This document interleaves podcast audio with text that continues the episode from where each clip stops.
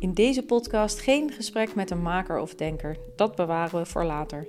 Ik ben Julie Vechter en dit is Culturele Confetti Shorties. Homemade confetti, zo je wilt.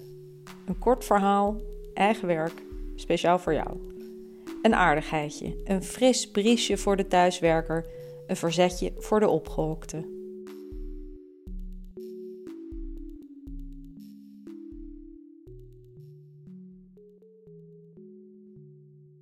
Het gezwiep van de ruitenwissers was irritant.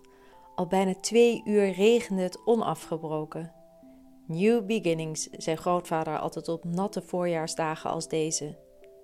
Simon grinnikte er vroeger vaak om. Maar opa, wat is er zo nieuw aan als het dag in dag uit regent? Gebruik je neus, jongen, antwoordde hij dan. Gebruik je neus. Gebruik je neus, gebruik je verstand. God voor de God, niet gelukt, te laat. Vloekend en turend door de streamende regen reed Simon verder. Hij keek op de klok. Hij was al laat. Waar was hij aan begonnen? Volgende week was de deadline voor de grote overname van het jaar. Hij had echt wat anders te doen. Maar het kon niet wachten. Family matters, je moet morgen komen, had opa aan de telefoon gezegd. Vriendelijk en dwingend tegelijk. Weinig mensen konden Simon zo eenvoudig inpakken als die oude baas. Wat zou hij bedoelen? Van waar die haast? Wil opa James de boel verkopen? Opknappertje in de bossen? Hm. Simon wist niet beter dan dat het grote huis net zo broos was geworden als zijn eigenaar. In de verbouwde schuur op het terrein woonde Mary, de weduwe van de bakker uit het dorp. Zij zorgde alweer twee jaar voor opa. Die kreeg er echt niet zomaar uit. Bovendien was het bijna een uur rijden naar de eerste de beste stad van formaat. Wie wil dat nog? Simon in ieder geval niet.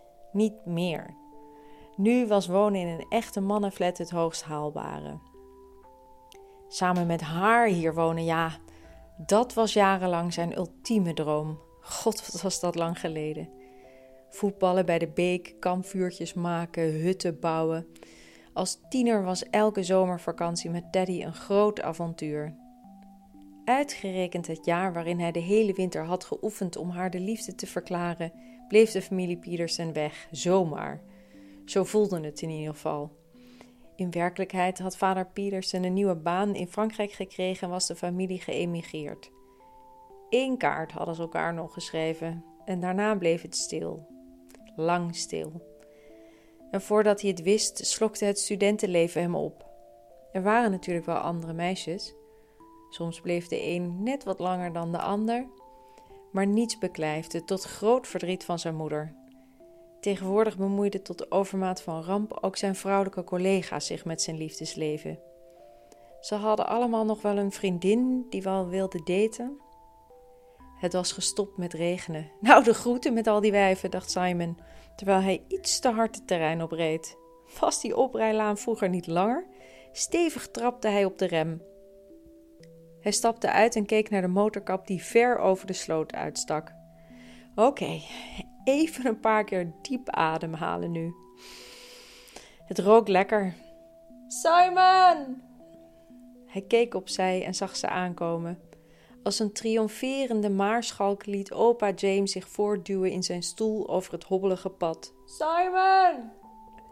Zachtjes begon het weer te regenen.